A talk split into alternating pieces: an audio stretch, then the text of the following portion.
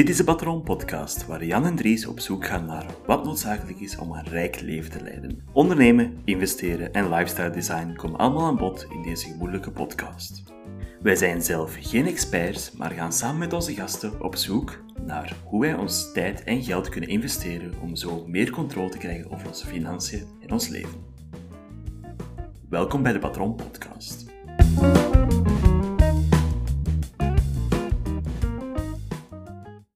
Welkom bij een nieuwe aflevering. Vandaag hebben wij het over wanneer de bubbel barst. Wanneer de bubbel barst, dat doet mij denken aan... eh, er is zo nog niet zo lang geleden een Hollandse eh, kortfilm gemaakt, Wanneer de dijken breken. Doe me daar een beetje aan denken, Jan. Wanneer Ja. breken de dijken? Ja, wanneer is het eh, begint de ramp? Wanneer is het tijd om in uw sloep te stappen en te ontsnappen? Ja, want eh, de afgelopen weken weer overal onheilsberichten gezien. Ik heb die het afgelopen jaar de hele tijd gezien van mensen die zeggen, ah ja, de markt gaat instorten, dit en dat. En daarom ga ik niet investeren in dat, maar ik ga wel investeren in dan Blockchain. goud, Pokémon-kaarten, horloges. Kaart van Magic the Gathering. Van, eh, heb je de Lord of the Rings sets al gezien? Ik heb totaal geen idee. maar eh, ja, kijk, dat was wel eh, iets waar de afgelopen... We weten niet wanneer dat de hele markt gaat instorten, of wat die ooit gaat instorten. Want ik ben een jaar geleden op wereldreis vertrokken, basically. En Is dat? eh, ja, Ik dacht dat je gewoon een jaar met mij maanden. praten. eh. ja, Ah, maar je wordt gewoon weg. Oké, dat, is, dat is positief om te weten dat er een reden achter zat. dus niet iedereen dat een jaar niet tegen u babbelt, eh, doet dat om die reden. We kunnen nu een heel donkere podcast-aflevering maken, maar pak dat we dat niet gaan doen. Nee, zeker niet. Eh, ik ben hier met heel veel plezier. Maar ook toen al werd er gezegd van, ah ja, de markt gaat instorten. En, eh, dus ja, niemand die echt weet wanneer het begint. We zijn ondertussen een jaar verder en al doen psycho- psychologen en dergelijke zijn er eh, nog altijd, staan altijd op de dijken. En ze is nog niet gebroken. Nee, mijn voeten zijn zelfs nog niet nat op het moment. Ja. België Belgisch weer, daarentegen. Maar eh, er zijn wel een aantal markten die de afgelopen maanden eh, serieuze hits gekregen hebben. Yes. En daar gaan we het vandaag over hebben, want de algemene bubbel is nog niet gebroken, Nee, maar een aantal bubbels zijn hier toch wel... Doorprikt als het ware. Ja, de lucht is er toch aan het uitgaan. Hè. een beetje een sisser. Ja, het is zo eh, een balletje dat ze afgaat en... De droom van de kinderen aandiggelen. Ja, kinderen... Ik vind dat je dat een mooi, een, een mooi voorzetje geeft, eigenlijk. Want, eh, kinderen? Kinderen, ja. Wat heb je met kinderen? eh, ik, toen ik kind was, wou ik van mijn... Wou ik altijd heel graag een zakje Pokémon-kaarten, want die waren juist uitgekomen. Dat was echt wel Dat was ding. Dat ding, hè. En ik was erbij met die eerste... De eerste sets. Ja, dat is mijn tijd. Ja, natuurlijk. Ja, dat is ook ongeveer mijn tijd. Dus, ja, eh, voilà. En, maar ik, heb, ik kreeg dat nooit. Ik heb ik wel ooit een blinkende Charizard gehad. Die dat zo helemaal in het midden geplooid was. Dus ik had niet veel geld meer opgeleverd hebben. Maar ik had die wel. Ik had die wel. Ja, het is, dat is inderdaad ook wel. Ik denk niet dat, zelfs moest ik de meest waardevolle kaarten gehad hebben op die leeftijd, die zouden nog altijd wel aangegaan zijn ondertussen. Dus. Oh ja, ja, zeker. Ik heb, ik heb er pas nog eentje gevonden. Eentje van 2001.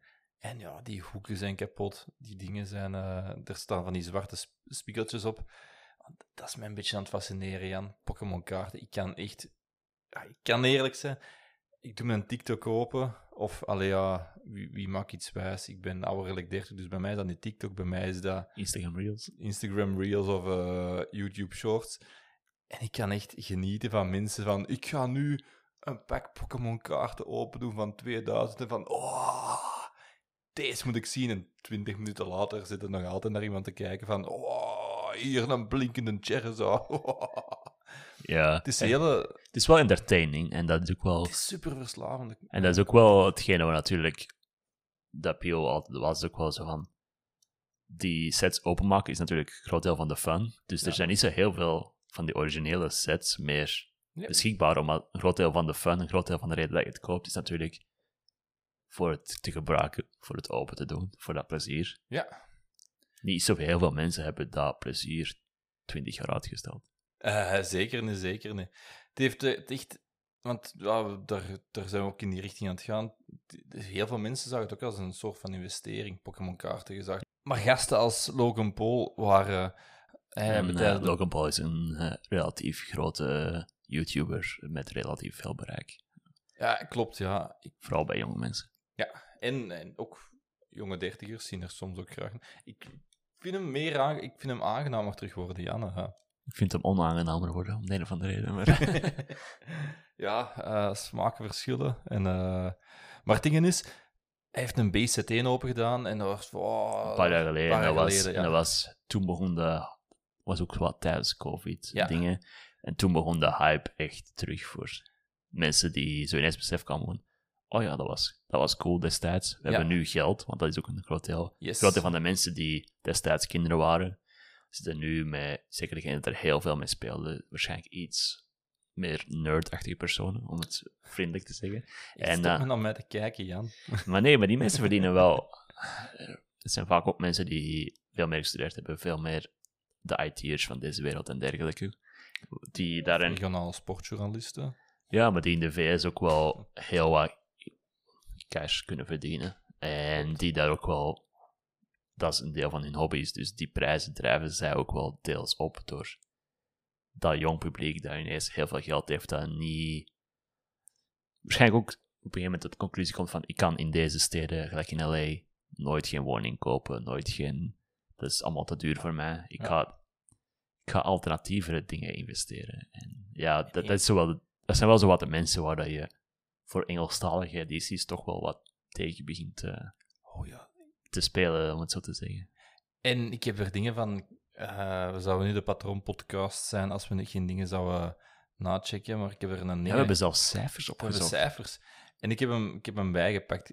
En het komt van een heel betrouwbare bron, namelijk van de Antiques Roadshow kinderprogramma. Dat zijn ook van die dingen waar ik naar kan blijven kijken. En op een gegeven moment werd er een set aangeboden van Pokémon-kaarten. Dus Ja. ja. dat fascineert mij. Dus ik klik daarop. En een van de dingen dat ze erop kwamen was iemand dat in 1999 een heel binder had gekocht met Pokémon-kaarten. Ja. Toen voor 50, 50 dollar, het- om het gemakkelijk te maken. Ze konden, hè, dat is een eh, aflevering van 2023, dus van een paar maanden geleden. En ze kon toen die, die, die set verkopen voor tussen de 5000 en de 10.000 dollar. Je denkt direct van, wow, Waar liggen mijn kaarten? Waar liggen mijn kaarten? Ik ga die direct zoeken en ik kan ze zelf op eBay zetten. Ik zeg het, de mijn die trekken op niks meer, dus eh, die gaan helaas niet te veel meer opbrengen. Maar ik vond ook wel... Maar het is hetgeen dat ze daarna zeggen dat mij fascineert. Sorry dat ik je onderbreek, Jan, maar Ga maar. ze zeggen van, hè, er zat een, een, een eh, first edition Charizard zat ertussen. En ze zegt, op die moment gaat die eh, 2000, 3000 dollar kosten. Eh, op, opleveren als je die verkoopt. Wat nog altijd, oeh, mondvat tegen de grond. En dat wil wel zeggen dat de rest van die set bijna niks. Nee, nee, het is echt... Het is, ja, dat is, het, is dat is de de, chase card, om ja. zo te zeggen. Maar, heeft hem er ook direct bij. Een jaar geleden had hij 8000 euro opgebracht. En tijdens de, de height of the hype, Hm. 15.000 dollar. Dus het is nu altijd gigantisch veel Ja, geld. van 15 naar 2 is wel gedeeld Ja. door 7. Ja. Zou je, hey, stel, je hebt op het, de height van COVID heb jij geïnvesteerd in een, een blinkende Charizard. Van yes, ik, ben er trots op, dat is mijn Charizard. Ik had die vroeger ook, maar nu in keigoede kwaliteit. Dus ga mijn geld opleveren, ga mijn geld opleveren, ga mijn geld opleveren. En ineens, baf. Minder waard. Kunnen we zoiets nog een investering noemen, Jan? Of is dat eerder iets, eh, Wel, is het speculeren? We Eh. hebben er nog eens een aflevering over gemaakt. voor, voor dingen gelijk dit heb ik zoiets van hetzelfde met, laat het gewoon kunst in het algemeen noemen. Misschien Ja. om, eh, je kan kunst kopen, je kan kunst in het algemeen kopen omdat je zoiets hebt van, ah ja, dat is, ik heb daar nut van om dat in mijn living te hangen. Dat heeft een, Ja. Ik vind dat een mooi kunstwerk, ik kijk daar graag naar. Dat, is, dat maakt mijn interieur meer compleet. Je mocht er, mocht er eender welke, dat motiveert mij om bepaalde dingen te doen. Allemaal goed en wel. Klopt. En dat is één deel van rendement halen uit een investering. En het andere is natuurlijk, wat is de herverkoopwaarde? En ik denk dat eh, met heel die Pokémon Rage een hele hoop van de, van de focus verlegd is naar het herverkopen. Ja. En niet echt naar het genieten van het hebben van die kaarten. Ja, En mensen zagen is- het als een investering op een gegeven moment. Eh, qua kochten van die boosterboxen om te hebben van, van first edition Pokémon kaarten ging richting de, ik denk op een gegeven moment richting de 600.000 ja, dollar die gegaan zijn. en er zijn ook heel veel fakes in omloop natuurlijk, Tuurlijk, omdat ja. vanaf dat er zo'n bedragen aan het pas komen, wordt er ook heel veel gefaked. En dan-. Dus los van dat risico alleen al heb je ook gewoon een enorm prijsrisico natuurlijk, omdat... Ja, wie gaat daar echt in investeren? Op een gegeven moment heb je ook wel de volledige markt bereikt van mensen die daar in wil stappen. Het is niet dat je op een gegeven moment institutionele inve- investeerders gaat hebben die, zie je KBC al Pokémon-kaarten beginnen opkopen. Eh, ik, ik, ik wil nu zelfs gewoon niet beginnen googlen KBC plus Pokémon. Eh, ik ben heel benieuwd wat voor hits dat we gaan krijgen. Maar het zou een, eh, hoe zou ik het zeggen?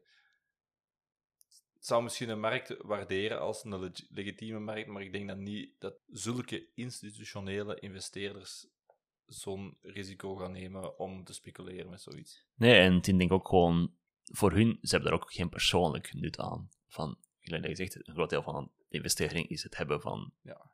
De mooie Pokémon-kaart. je dan naar de kunst rondom Ja. tegen de muren hier. eh, Ja, ja, zeker. Maar dat is, dat heeft persoonlijk nut. Maar Ja. als een KBC dat gewoon in een kluis steekt en er dan gewoon tien jaar mee wacht voor het terug, terug uit te halen. En zo. zo, kijk, dan Blastoise. ja. Ja, nee, dat is zo. Ik kunt er misschien eens een babbeltje over doen aan de koffietafel, maar daar stopt het zo. Ja, Eh, ja, dat is zo, als onderzetter gebruiken als in zo'n case zit van PSG, maar eh, Dan zijn er wel echt een, een hele rijke mensen. Als je zo ja, Pokémon-kaart van 2000 euro als onderzetter begint te gebruiken Oh. op de vergadertafel. maar Logan Paul heeft dat gedaan. En verleerd hem... Ja, sorry, ik ben geen, Fanboy. ik ben geen fan, ik ben geen fan, maar ik, ik volg hem wel een beetje. Op een gegeven moment had hem toch... Hij ging boksen en had een, een ketting rondgangen en daar ging ze een blinkende Charizard hing eraan en eh, was een miljoen waard en... eh, Maar op zich ook niet zo, geklopt. op zich ook niet zo absurd, omdat een hele hoop boxers en dergelijke, die gaan ook wanneer ze erin komen met gigantische sieraden aan en whatever, om te tonen van, kijk hoeveel succesvol ik ben en dit en dat. Dat is deel van de appeal voor zo. En Ja, hij maakte natuurlijk nog wat meer reclame voor zijn eigen als individu, om daar een deel van het gesprek had er natuurlijk dan op een gegeven moment over. Tuurlijk, en ik, ik ga zelfs gaan we terug over dingen, maar ik wil nog even afwijken. Ik heb toevallig gezien wat zijn broer pas heeft gedaan voordat hij in een boxring instapte. Nee, ik Jake Paul. totaal niet. Totaal niet. Ah, die was, ging ook een boxmatch doen en beloof echt hierna gaan we het niet meer over de bro broeders Paul hebben. Maar die is met een tank aangekomen en vooral hij in een match begon, kwam hij daar met een leopard tank aan. En ik denk van, wow, eh, impre- eh, impressive wel. En eh, ja, heeft de match ook gewonnen, dus hij Ja. heeft de kamp gewonnen. Het zijn een overboxen. bij. Maar dat, is, dat zijn Pokémon-kaarten. Jan, ken je nog zo'n voorbeelden? Want je zegt, Ja, wij, bruggetje kunst is gemaakt. We gaan eh, ineens een stap verder dan, laten we eerlijk zijn, een heel hoop van is niet echt kunst, maar gewoon Ja, ja, ja. money grabbing tot en met, maar NFT's. NFT's, non-fungible tokens. Oeh, wat is een NFT? Leg het eens uit. Ah, ja, een NFT is. Voor alle eh, mensen die het nu horen, Tonder in Keulen, die vijf jaar onder een rots geleefd hebben wanneer het... eh, die ook op een wereldreis gegaan, maar een NFT is een, ja, ik zeg het, een non-fungible token. Dat is eigenlijk een stukje in een blockchain dat je koopt, een plaats komt een blockchain dat je aanschaft, en daar wordt een, een kunstwerk op gemaakt. Dat kan een tv-serie zijn. Ik heb tv-series als NFT gezien. Ik heb eh, een kunstwerk gezien als NFT.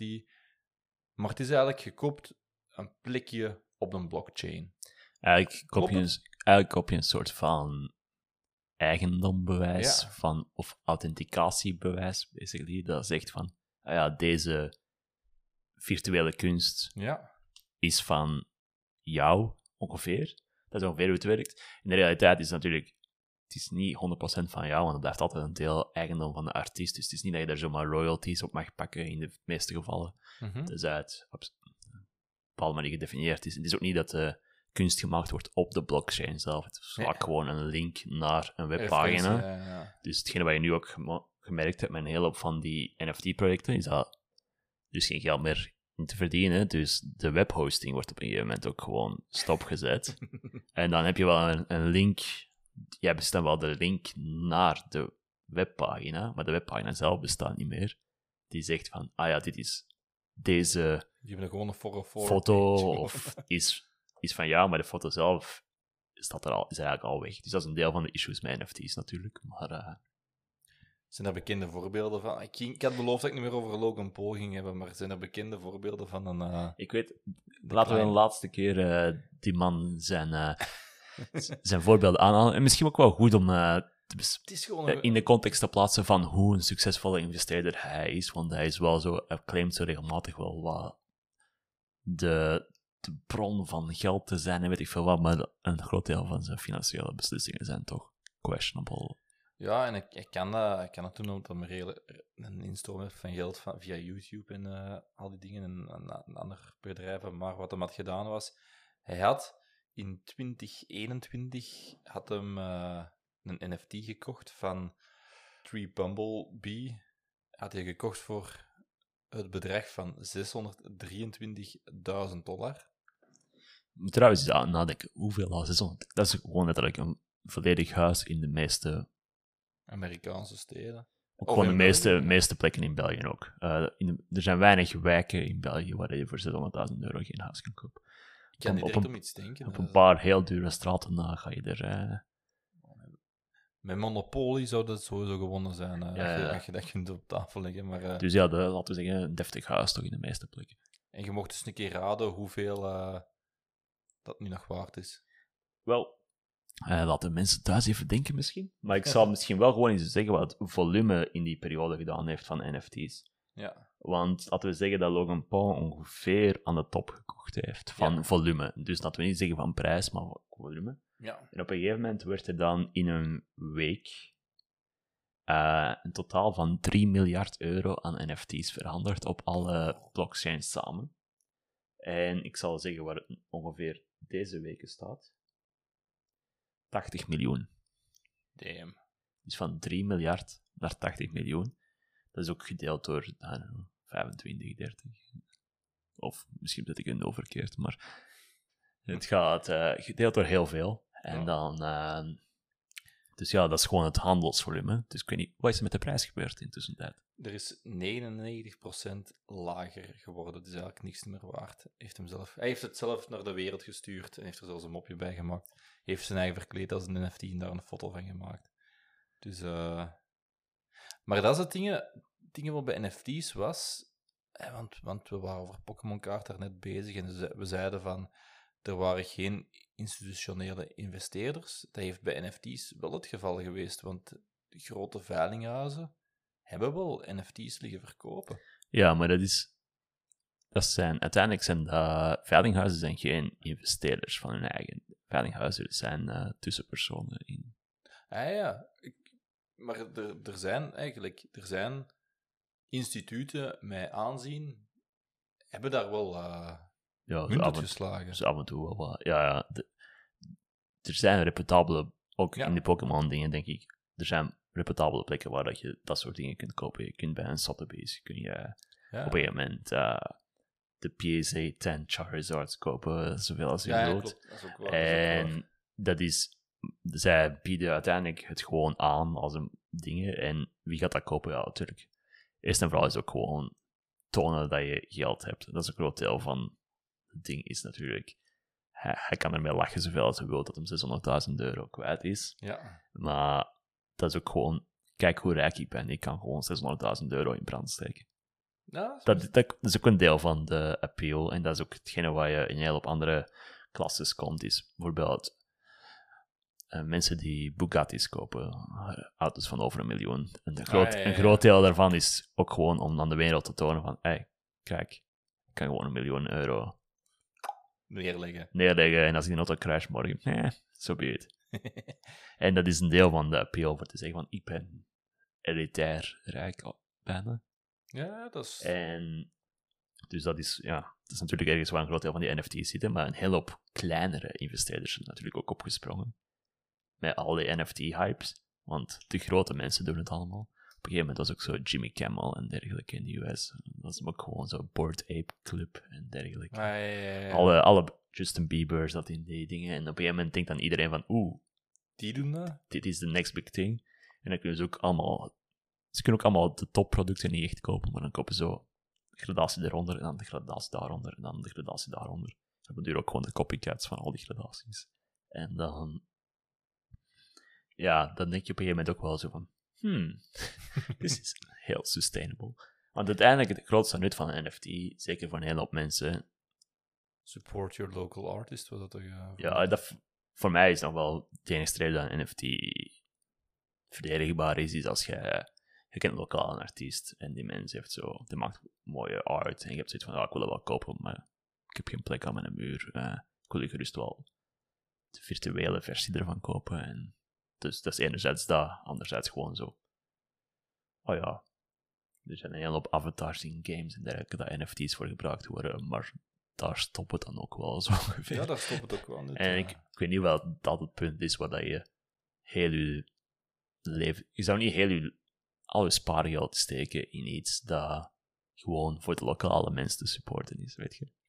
Dus, Als, als, iemand, kunnen, maar, als eh, iemand die zegt van, ah ja, er is nu een beginnende artiest die hier eh, mooie schilderij koopt van 20.000 euro en stel je hebt er 20.000 euro per rekening staan, dat is al je spaargeld, dat is al je dingen. Je zou dat toch niet ik zou je het zou toch niet kopen voor zo te supporten en hopen dat je misschien ooit er iets uit haalt. Dus, eh. Dat is zeker niet mijn ingesteld. Maar ik, ik denk aan eh, mensen like Dogecoin Coin Miljonair die dat wel hebben gedaan. Dus eh, er zijn mensen dat doen, maar ik zou het niet aanraden. Nee, voilà, bedoel. Dus dat soort constructies. Ik denk dat er een hele hoop mensen hun broek heel hard gescheurd hebben aan die dingen. Omdat ja, meer een deel van de markt is echt. Tenzij dat je echt iets uitzonderlijk gekocht hebt, denk ik dat je wel 80% van je geld kwijt bent. Als je het, er, als je het nog een koper vindt. Want ik heb dat gezegd, het is nu van 3 miljard Naar 80 miljoen. naar 80 miljoen op, over alle blockchains combined, dus alle verschillende munten. Dus dat wil zeggen dat als jij een van u wilt verkopen, dat is niet gelijk een normaal aandeel. Nee. Je moet dan de persoon vinden die dat uw individueel kunstwerk het mooiste vindt. Die dat uw versie van het kunstwerk wilt. Het is niet dat je... Dat is non-fungible, betekent eigenlijk niet inwisselbaar. Ja. Dus dat wil eigenlijk zeggen dat... Stel een aandeel Facebook. Of dat uw aandeel Facebook en mijn aandeel Facebook, die zijn eigenlijk hetzelfde waard. Ja. We hebben die aandelen niet, maar let's be real. Dat- ja, zo, stel, dat je, stel dat er er iemand binnen in de kamer en zegt: Ik wil een aandeel Facebook kopen. Jij zegt van ja, ik verkoop dat van mij voor 70. En ik zeg: Ik verkoop dat van mij voor 65. Gaat hij waarschijnlijk van mij pakken, want die zijn exact hetzelfde. Normaal gezien, dat zou de... Ja, d- het is zo theoretische prijzen natuurlijk. Maar, Sorry. maar die zijn perfect inwisselbaar, dus niet echt een verschil in waarde. Terwijl, stel loopt iemand binnen en die zegt van, ah, ik wil een kunstwerk kopen en van die artiest. En jij hebt er een en ik heb er een. Het zijn dezelfde artiest, ze zijn ongeveer hetzelfde. Maar nu kunnen we wel voor verschillende prijzen beginnen handelen. Ja, jij kunt zeggen van, ja, ik wil 80 voor dat van mij. En ik zeg van, ja, ik wil 70 voor dat van mij. Ik kan altijd die van u kiezen. Van de Omdat ik 80. het mooier vind, Omdat hij die mooier vindt, omdat hij die... grotere naam achter zit. Ja, zelfs met dezelfde artiesten is gewoon... Die zijn niet exact hetzelfde, ondanks dat die van dezelfde persoon komen. Dus dat is... Hetgeen waar je nu mee zit, is natuurlijk een heel grote onverkoopbaarheid. En het is niet... Je moet echt een koper vinden voor dit soort constructies. En daarmee dat ik het er wel over wil hebben, omdat... We hebben destijds wel gezegd van, nee, niet het beste Tomba- idee. Tomba- Koop het. Koop het misschien voor er wat plezier mee te hebben, maar stik er geen grote bedragen in. En dan, nu, twee jaar later, komen we dan wel met een follow-up. maar ja, Zie je wel? ja, Nee, maar het is ook cool om, daar, om deze aflevering nu te maken en daar over vijf jaar bij de volgende bubbel of over, we eerlijk zijn, waarschijnlijk over drie maanden een nieuwe bubbel, kun je er ook gewoon terug naar refereren van, kijk naar wat er daar gebeurd is, want zeker non-fungible maakt het niet, niet inwisselbaar, maakt het een heel complex iets. Het wordt, maakt een beetje gelijk een huis, weet je. Je kunt een appartement kopen, maar het appartement op het vierde en het appartement op het zevende is niet exact hetzelfde. Nee. En dat is waar dat de referentie ligt. En het is niet omdat de ene prijs, de ene krijgt die prijs, de andere prijs die ook krijgt.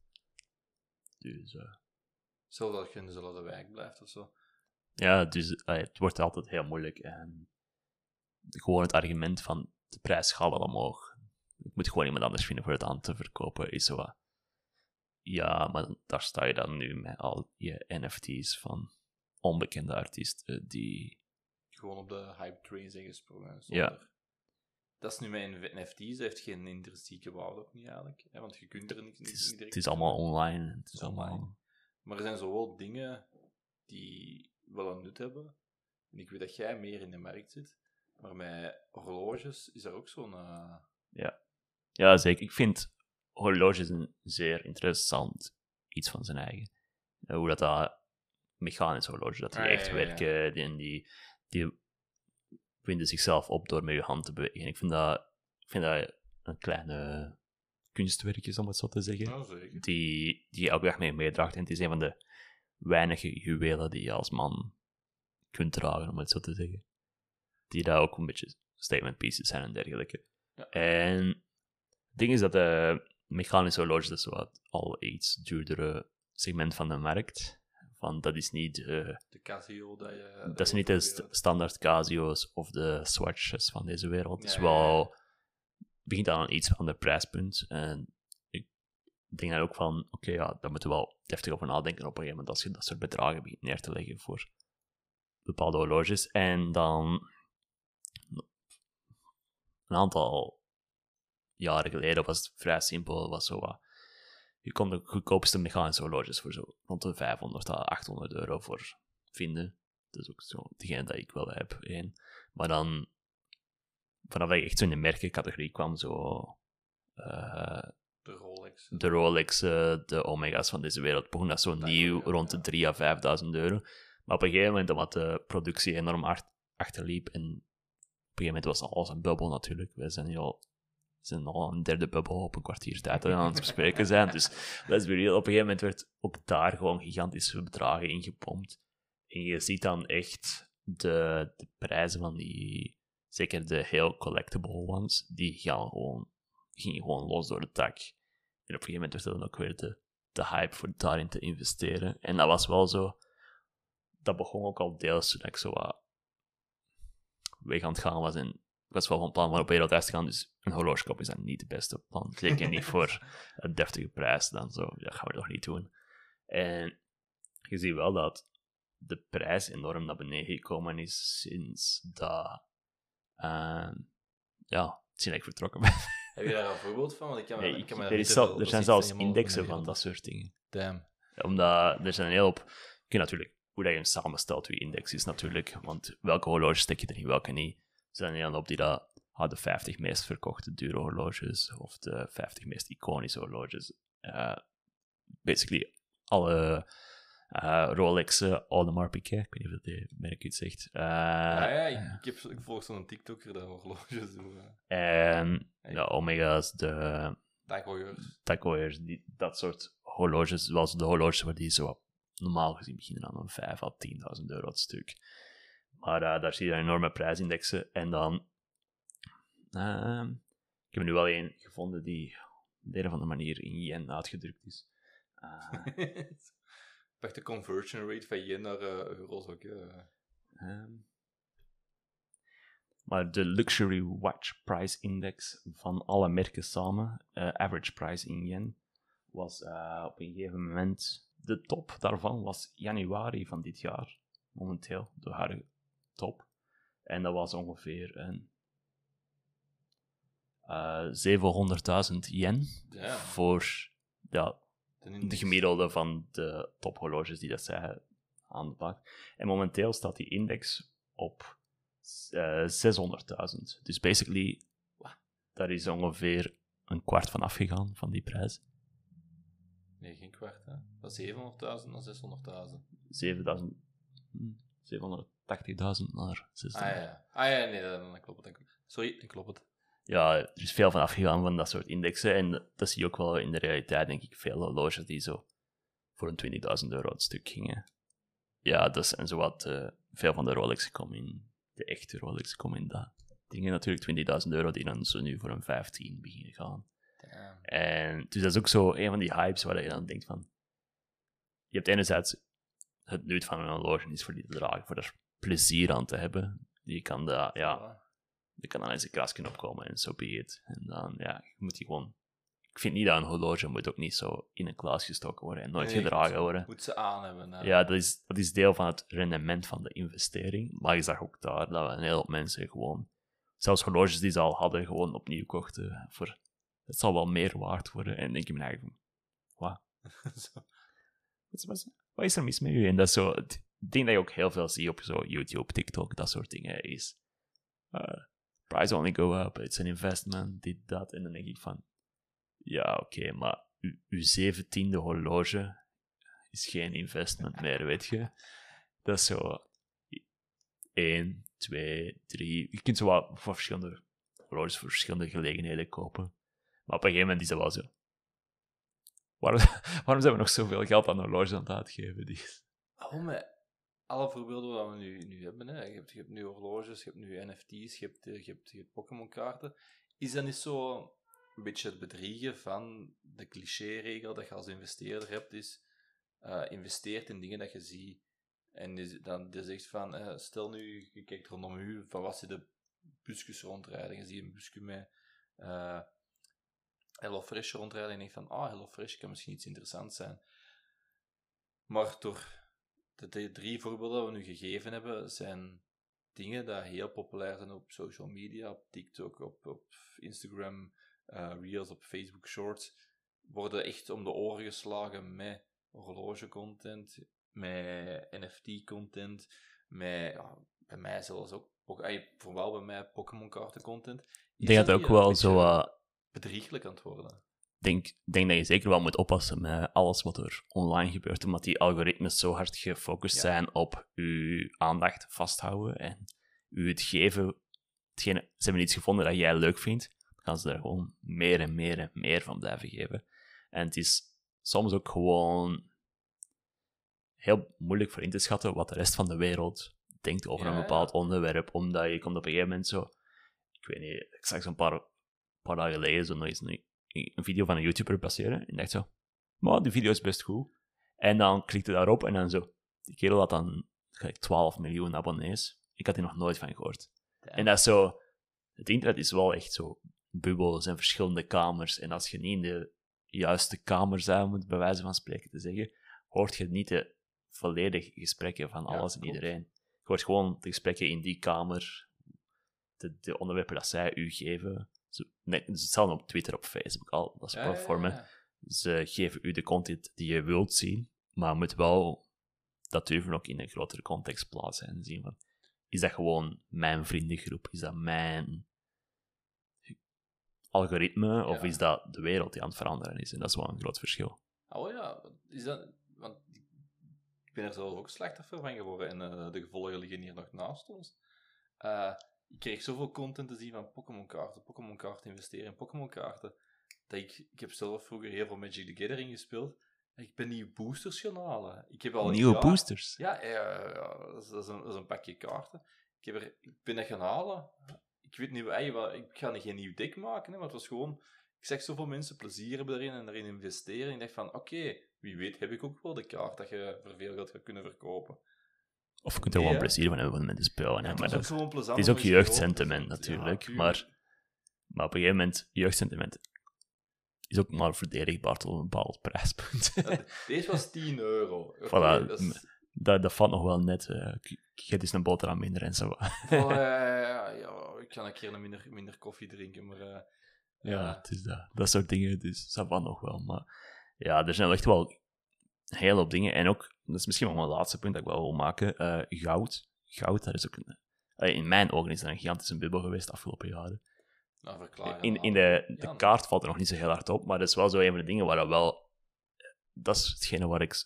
Ik ken zoveel goudfreaks ontmoet in mijn leven al, die al het geld dat ze hebben zit in goud of zilver. Die, hebben- die hebben zo'n soort van apocalyptische wereldvisie en ja, de wereldprijs gaat instorten, society gaat, de samenleving gaat instorten en goud gaat het enigste dingen zijn. En dat vind ik allemaal perfect oké, maar dan...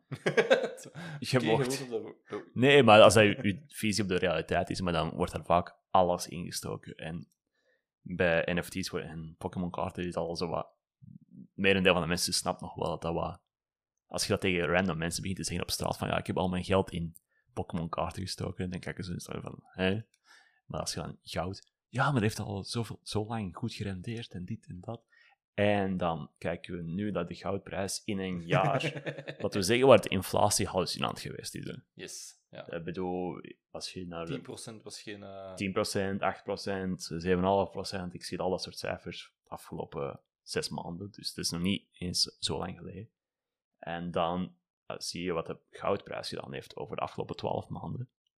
Want waar stond de goudprijs? September. 9 augustus vorig jaar. Ik heb hem ook voor mij gehaald. Dus, eh, 1750 euro pakt. Ja. En waar staat hij nu? 1750 euro.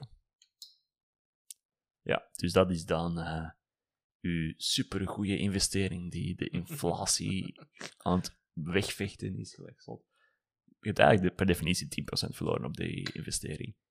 En dus ja, hetgeen wat ik daar vooral mocht, mocht je eh, in goud investeren, mocht je in Pokémon kaart investeren, NFT's, gerust. maar eh, hou ook wel een beetje proporties in het hoofd. En probeer niet, te- probeer niet heel je levensgeld in NFT's, Pokémon kaarten of goud te steken, of horloges. Dat is zo, ik hoorde op een gegeven moment zo iemand, whatever, zo eh, YouTuber ook zo. Ah ja, als, als ik 20.000 euro zou hebben, ik zou 15.000 euro in een goede horloge steken. En dat zo, wacht, wat? Dat is zo, nee, proporties. ja, ja, ja. Want, want dan zegt ja, dan kunnen tenminste in, in, een, in een coole ruimte kunnen er tenminste rijke mensen kunnen dat zien dat dat een duur horloge is. Dan denk ik me eigen van, ja, oké, maar rijke mensen kunnen ook zien dat een horloge van 2000 euro is ook een goede horloge. En dat is zo, als je met dat soort snobs te maken hebt, dan moet je misschien beter gewoon niet in de ruimte zijn, maar dat is zo, ja, weet je, van de 20.000 euro die je hebt, er 15 à 20. Want die zegt ook gewoon, ja, dus nou is alles in een horloge. Dus zo, wacht, wat? Dat is zo proporties graag. En dan. Ik heb zijn naam al aangehaald, maar Dogecoin miljonair moet het niet als het voorbeeld zien, maar ziet het als een, ja, ziet het als Dat is een, een case study van wat er fout kan gaan. Voilà. Als echt alles in één iets dat heel dogmatisch aan vastgehouden Ah, wordt. dogmatisch. Want ah, dit is ook gewoon. En dan goud is al een investeringsklasse die meer matuur is, laten we het zo zeggen. Die, Ja. die goudmarkt bestaat al honderden jaren. Het is niet gelijk NFT's waar het nog altijd het wilde westen is. En dan waar je heel veel mee. En horloges waar je met heel veel fake en dergelijke in, in contact komt. Dit, of Pokémon kaarten, hetzelfde probleem.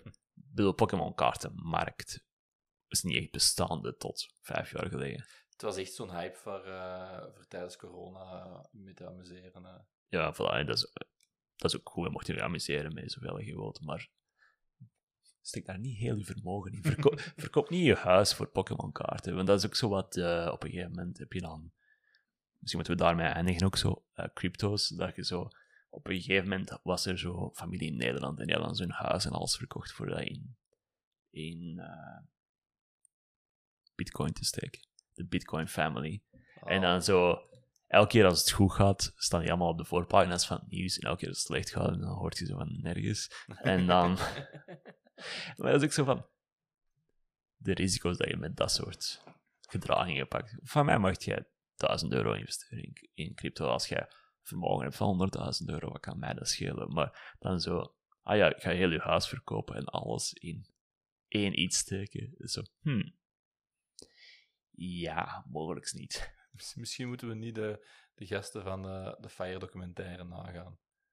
Nee, eigenlijk niet. Eh, want bijvoorbeeld crypto, zo gewoon met bitcoin, om het nog beleefd te houden, eindigen.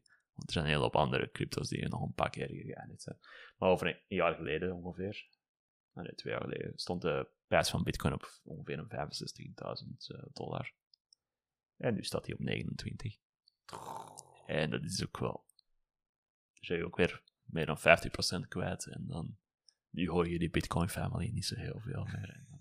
Eigenlijk zouden we die nog een keer terug moeten eh, horen hoe het met hen gaat. ja, zien of ze eh, regelmatig met een psycholoog praten of niet. Ik, weet, ik weet niet of ik zou zo kunnen leven dat mijn vermogen met, met honderden procent is. Oh, de, allee, vandaag, is de, vandaag is bijvoorbeeld de markt al gestegen met 2%. Kun je inbeelden dat je... Nee, bijna 3%. Dus zo kun je inbeelden dat je vermogen met 3, 4% op op een halve dag, op een acht of negen. Dus zo, ja. Ze bestaan, de Bitcoin family. ja, ik, ik, ik heb ze juist opgezocht en... Oh, nee. Het is ook nog wel... Dus het is echt een family, het is nog niet iemand... Ja, Want je hebt ook zo wat... Een heel van dit is zo wat... Is best oké als je zo je eerste job hebt gehad en je kunt zo goud, Pokémon kaart, NFT's, horloges, cryp- crypto's. Je hebt zo net je eerste, I don't know, loon gekregen gewoon bij je ouders thuis. Bij mij mocht je dat insteken wat je wilt. Maar op een gegeven moment moet je wel, zeker wanneer je met kinderen begint, verantwoordelijkheden nemen. En ja, Ben ik even eh, over, over deze fascineert me even. De Bitcoin Family is nog een, een maand geleden in het nieuws geweest. Tell me. Ze zijn gehackt. Ja, ze zijn eh 100.000 in altcoins en NFT's zijn ontvreemd. eh ah, damn. Ja, dat is een slechte maand. Oeh. Ah, grillig. Dat is misschien een, eh, ja... Nee, dat is niet om mee te lachen, maar het is toch wel... eh Gelijk dat jij zegt, het is nu altijd het Wilde Westen. Dus, Dus, eh, geen nood om op te eindigen. Ja, dus vooral zeggen mij, met al die bubbels, er komen er ook. Allee, wij kunnen niet voorspellen wat een volgende bubbel is. En misschien zit je daar vroeg genoeg in dat je heel, heel de rollercoaster kan rijden tot de top en er op tijd uitstappen. Misschien zit je al op de top en gaat gewoon naar beneden vanaf waar je instapt. Het is zeer moeilijk te voorspellen. Eh, misschien het belangrijkste ding is ook gewoon te kijken naar wat is een investering echt. Een investering is iets dat geld opbrengt of u op zijn minst nut voor- geeft. Als jij, graag, als jij in een woning woont en je bezit die, en dan heb je, heb je daar levenscomfort van daar te wonen. Ja. Dat is financieel en nutrendement. Als jij aandelen hebt die dividenden uitbetalen, dan is dat financieel rendement. Je Dus, kunst hebt om naar de muur te hangen en naar te dan is kijken, dat je- emotioneel rendement, of hoe je het ook wilt noemen. Maar ja, Misschien moeten we gewoon de... definitie van investeringen moet wel in je achterhoofd blijven als je al die bubbels ziet. Ah, wel, denkt, denkt aan, de, aan het, drinken van alcohol. Ja. Drink met mate. Drink met mate. En niet met de enderechter, maar drink met mate. Het is leuk om een keer één of twee pintjes te, te drinken, maar als je elke dag al je geld investeert in, in bier en, eh, en sterke drank, je drinkt dat op, dan, eh, dan blijft het niet leuk. Een Oké. mooie manier om op te eindigen. Ik vind dat wel. Drink met mate. Drink met mate. Iedereen veilig thuis. Ik hoop dat niemand eh, dat doet eh, terwijl we in de auto zitten. Oké. ja, Bye bye. Tot de volgende. de Het was, volgende het maand. was weer fun. Dus, welkom to de Fun Fanta. Ciao. bye bye.